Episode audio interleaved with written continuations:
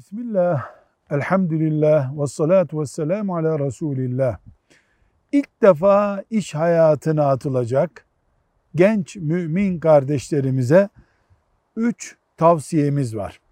Birincisi insan becerebileceği, kabiliyetine uygun sevdiği bir işe girmelidir. Eğer çok acil zarureti yoksa. Herkes babasının işini devam ettirecek. Herkes memur olacak. Herkes fabrika sahibi olacak diye bir kural yoktur.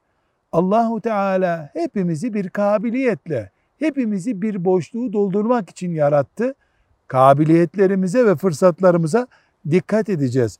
Aynı şekilde bir insan bir işe girerken o iş caiz midir, değil midir ona dikkat edecek. İbadet hayatını olumsuz olarak etkileyecek, aile hayatını sarsacak, Müslümanın sosyal kimliği yok dedirtecek bir iş bizim için bereketsiz iştir. Ve üçüncü olarak da Müslüman iş sahibi olsun, memur olsun, işçi olsun, esnaftan birisi olsun emin, güvenilir olma vasfını hiçbir zaman kaybetmeyecek. Besmele çekip bu şartlarla bir işe girilebilir. Velhamdülillahi Rabbil Alemin.